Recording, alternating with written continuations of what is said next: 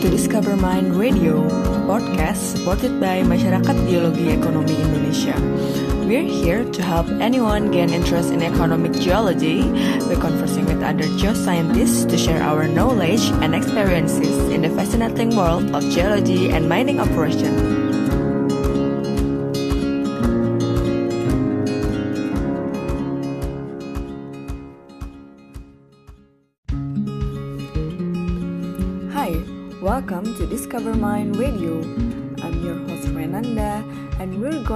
Talk about the role of geoscientists in the software company with Putra Sadikin. Putra is a geochemist in IOGAS, an exploratory data analysis software for the detections of patterns, anomalies, and relationship in geochemical data.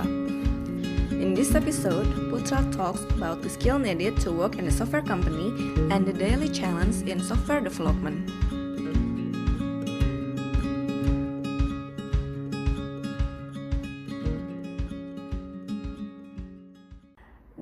Pekerjaan kita sehari-hari, terlepas apa pun role kita di mining industry, kita pasti menggunakan software tertentu untuk mempermudah pekerjaan kita.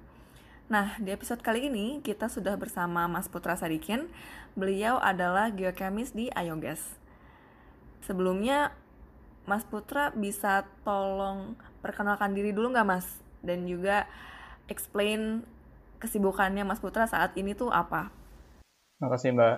Jadi saya itu sebenarnya backgroundnya dari uh, geochemistry ya. Jadi aku ada master in um, geology dari University of Melbourne di Australia. Itu aku ambil master of geochemistry karena suka dengan sainsnya. Jadi geochemistry itu sebenarnya walaupun chemistry tapi lebih banyak numbers. Jadi kayak it's it's a mathematical science. Karena kalau di dunia geochemistry itu kita kan melihat relationship antara elemen-elemen essay data gitu ya. Dan kalau misalnya di skala exploration atau mining, kita tuh ngelihat ratusan ribu data point. Dan dengan skala yang besar gitu, itu udah yang kita lihat tuh udah jadi mathematical problem, bukan kimia bukan it's not a chemistry problem anymore. Jadi itu yang bikin aku tertarik sih sama geochemistry. Dan sebelum itu aku belajar engineering dan science di Melbourne Uni. Jadi itu double degree. Jadi yang satunya itu geomatic engineering. Jadi geomatic engineering itu kayak surveying, land surveying. Dan aku juga ambil geologi. Terus ujung-ujungnya lebih suka geologinya. Tapi aku juga suka software karena kan di Geomatics itu kan banyak kayak GIS software gitu kan. Terus ya aku su aku suka banget tuh sama namanya main-main sama GIS. Jadi udah belajar ArcGIS dari zaman dulu pas apa eh pas S1.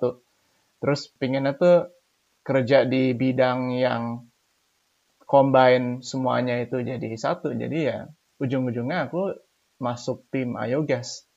Jadi secara karir progression, um, alhamdulillah sangat natural. Jadi kayak aku emang suka banget sama software, terus sama geologi, terus sama geochemistry, dan alhamdulillah untungnya bisa dapat kerja di software IOGAS ini dan sampai sekarang masih masih kerja buat IOGAS.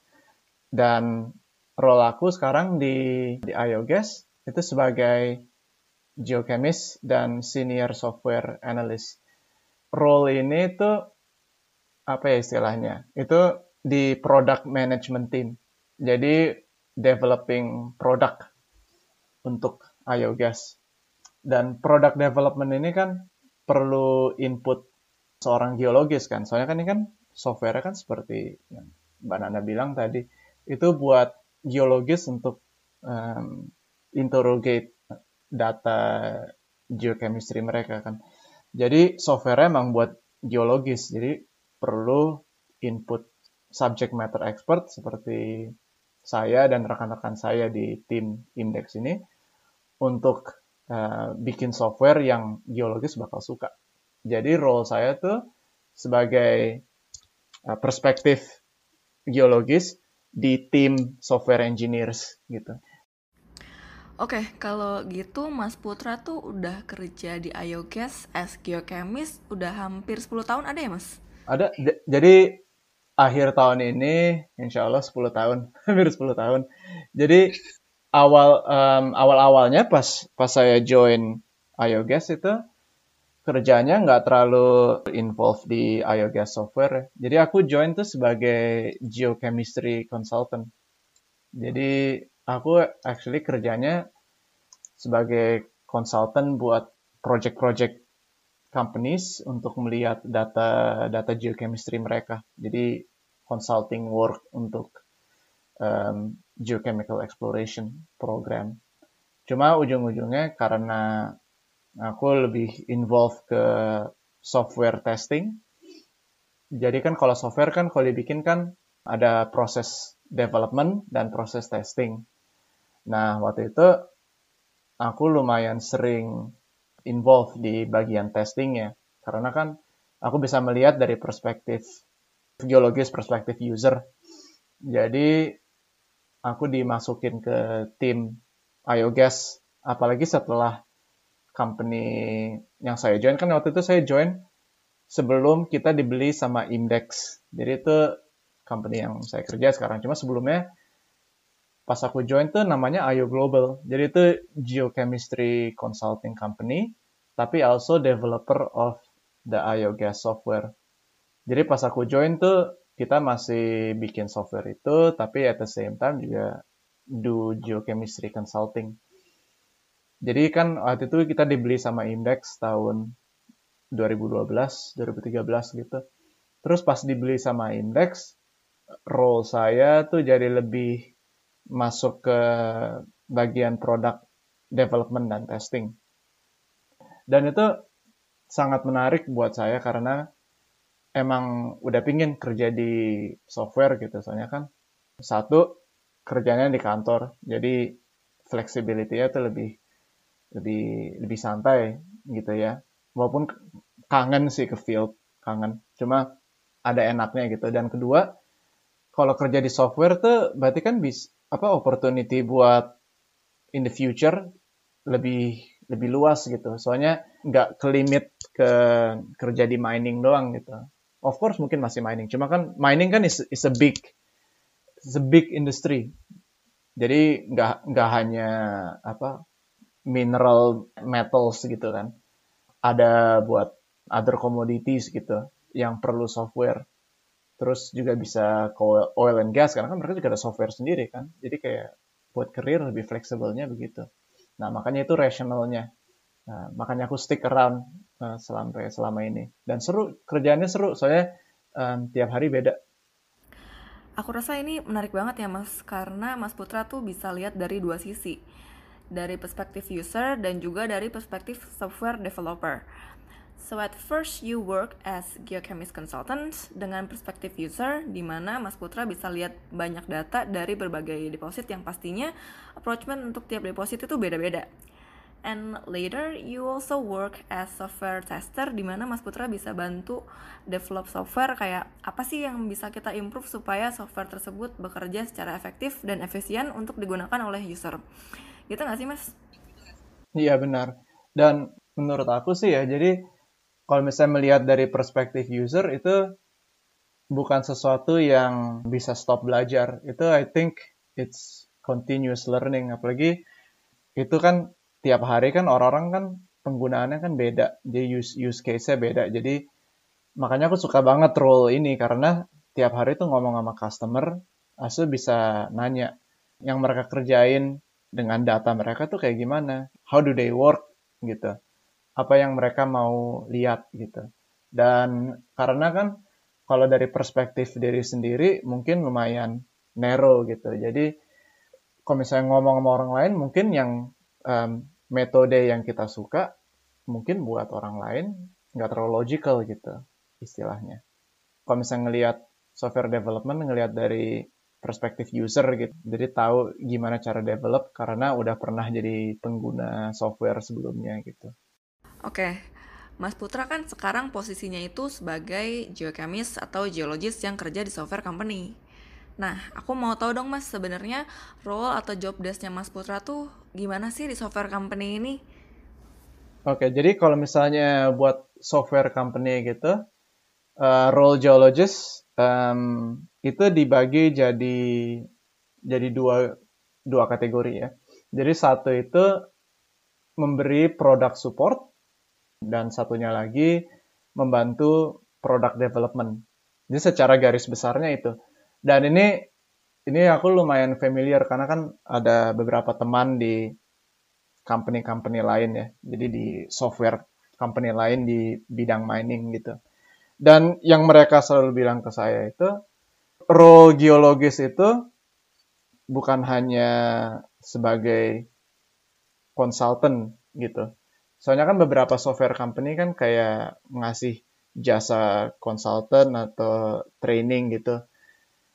Sebenarnya role mereka itu lebih ke arah membuat produk yang membantu end usernya. Dan itu hanya bisa di achieve kalau misalnya dua garis besar itu udah ke achieve gitu ya. Jadi kalau misalnya kita kasih produk support yang bagus dan produk support yang bagus tuh bisa dalam bentuk kasih training, kasih consulting, kasih product demonstration, terus ngomong sama klien lah basically, ngomong sama customer. Itu tuh good product support. Dan itu bikin hubungan yang bagus antara company yang bikin software itu dan customernya. Dan itu benefit semua orang, yaitu benefit semua pihak. Itu benefit customers, dan itu juga benefit company yang bikin software ya. Karena mereka bikin sesuatu yang orang-orang sebenarnya pingin gitu. Dan itu semuanya itu support product development. Nah, kalau product development itu nggak semua geologist role-nya mirip dengan saya. Jadi kan aku lumayan banyak kerja di bagian testing dan development gas. Dan itu karena tim kita kecil sih. Jadi kita tuh timnya nggak sebesar tim software mining lain. Kalau misalnya companies yang aku tahu gitu ya, mereka yang bisnis lainnya cuma bikin software doang, mereka dengan budget mereka dan dengan software yang dipakai dengan customer base mereka, itu berarti mereka fokus bisnisnya tuh ke software doang. Berarti mereka bisa dedicate really large number of people buat develop software dan buat do product support sama kasih produk demo. Nah, jadinya mereka ada orang spesifik buat role testing dan kasih training dan kasih support. Jadi itu job lebih dari tiga orang istilahnya. Nah, karena yang bikin software saya ini karena kecil ya softwarenya, jadi role-nya itu lebih ke fokus ke saya sendiri. Jadi bisa dibilang aku tuh handle-nya lumayan banyak aspek of this. Cuma bukan berarti ini sesuatu yang common di company-company lain. Karena company lain yang lebih, yang udah khusus bikin software doang, mereka bisa have resource to do that sort of thing. Uh, soalnya kan Index ini kan kita bikin hardware juga ya. Jadi kita nggak kita nggak hanya bikin software doang. Jadi itu is only a small part of the business, so to say. Jadi resource buat bikin software itu nggak sebesar company-company yang khusus bikin software doang. Jadi role geologisnya tergantung size company yang bikin software tersebut. Role geologis bisa as um, narrow or as wide as as me. Wow, menarik banget mas penjelasannya. Anyway, aku mau nanya dong mas Putra, skill apa sih yang required untuk geologis yang mau kerja di software company? I think skillnya tuh kan sebenarnya nggak expected buat geologis untuk bisa coding gitu ya. Itu kan lumayan jelas, jadi kan nggak nggak semua geologis bisa ngerti cara cara bikin software kan. Jadi skill yang yang mereka perlu itu sebenarnya cara ngomong ke orang sih.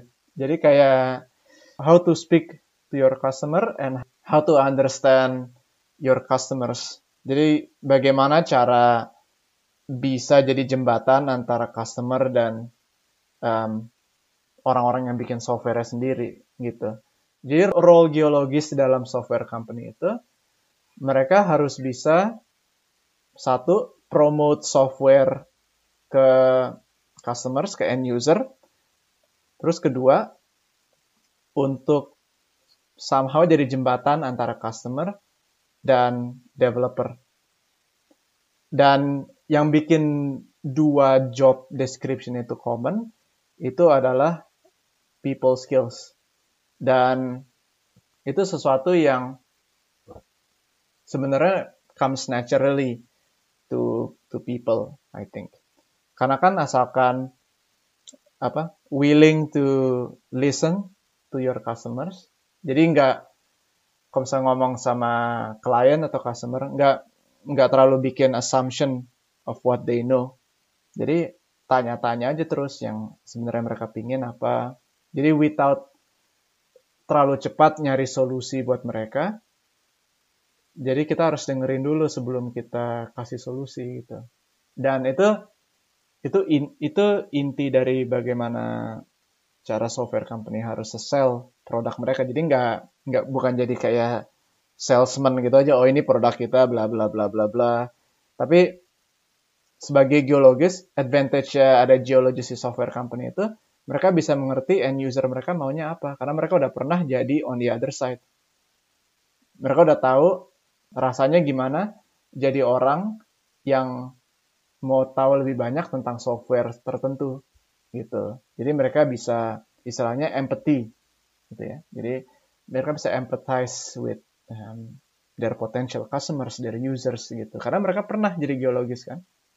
Jadi intinya kalau misalnya mau geologis mau masuk ke software development, mereka harus jadi someone yang obviously udah udah pernah menggunakan software gitu. Jadi idealis someone yang suka menggunakan software di job mereka. Itu satu. Terus kedua, ada keinginan untuk belajar lebih lanjut. Jadi untuk belajar gimana ya cara aku bisa do things better. Terus kalau misalnya tahu, you know, gimana cara do things better, kalau misalnya bisa do things better with certain things with the software, you know, itu udah udah lumayan bagus untuk bisa um, jadi kerja jadi geologi software company. Karena kan istilahnya kan kalau bikin software itu kan harus selalu continuous improvement.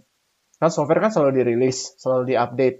Dan setiap kali update itu kan perlu tahu apa yang bikin update berikutnya jadi lebih bagus. Dan cara bikin lebih bagus itu dengerin apa yang customer mau tapi at the same time coming up with solusi yang orang-orang belum pernah lihat sebelumnya. Something unique. Dan itu hanya bisa kalau misalnya lihat dari perspektif geologis. As a starting point, gitu. Oke, okay, jadi basically communication skill ya mas ya on how to listen and understand the user needs. Um, so I'm an introvert, and I bet you are the same one. Is it hard for you at first to open up and ask people as a salesperson like that? Well, sebenarnya aku kan nah, bisa dibilang introvert. Cuma bukan kendala sih buat cara kerjanya gitu karena bukan berarti kita harus datengin orangnya langsung se nanya um, sejuta pertanyaan gitu. Tapi what I found easy itu cara bikin komunikasi yang natural aja nggak harus langsung datengin dengan sebuah agenda gitu.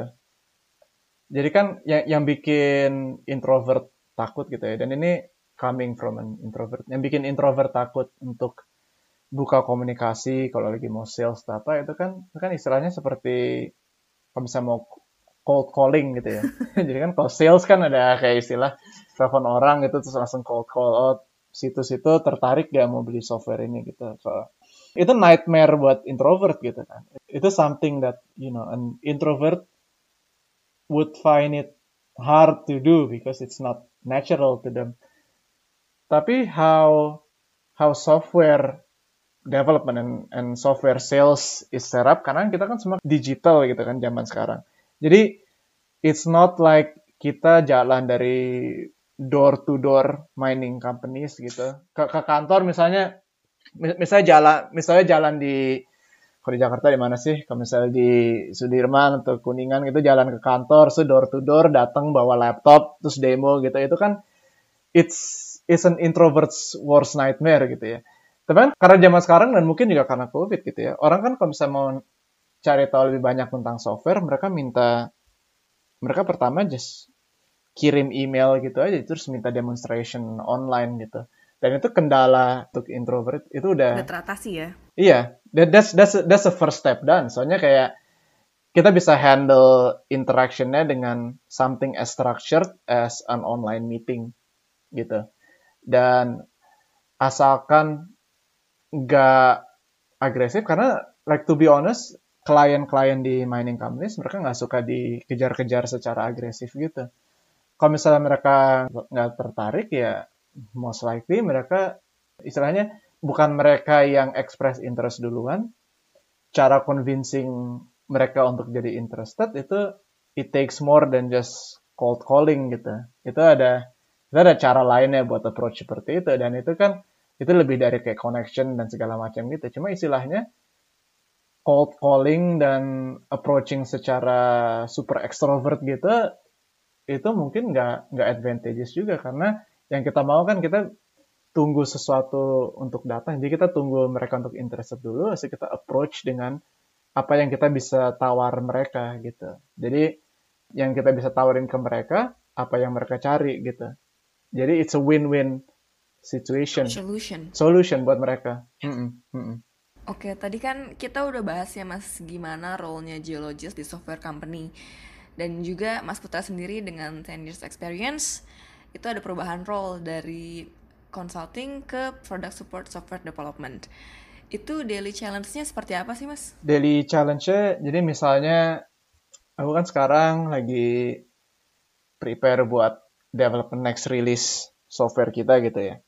Jadi challenge-nya tuh ngomong antara stakeholder di dalam company sendiri sih. Jadi komunikasi antara tim sales dan tim software development dengan tim marketing terus dengan tim product management. Jadi apa making sure softwarenya itu kerilis dengan feature-feature yang customer mau dan challenge-nya itu sebenarnya balance antara dua sisi otak sih.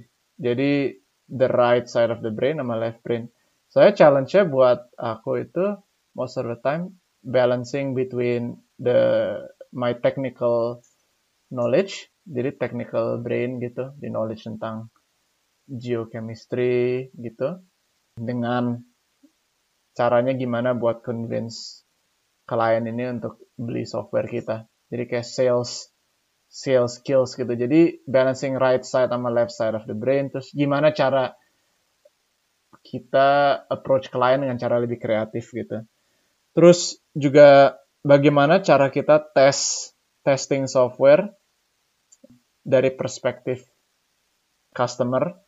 Um, apalagi kalau saya itu fitur yang belum pernah dilihat sebelumnya. Jadi kayak a really unique feature yang kita nggak nggak tahu kira-kira orang bakal gunain buat apa. Nah, challenge challenge-nya itu karena misalnya di software kita itu kan kita ada beberapa feature yang lumayan lumayan unik gitu ya. Jadi cara testingnya ya kita kita harus come up with um, likely workflows of how our users are you know likely to use these features. Dan itu input yang sangat berguna buat developer kita karena kan developer kita nggak ada background knowledge kan in geology.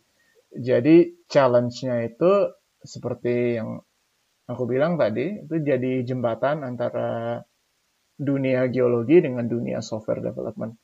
Dan dua dunia itu distance-nya lumayan jauh. Jadi harus dihubungin dengan sesuatu. Dan role geologist di software company seperti itu.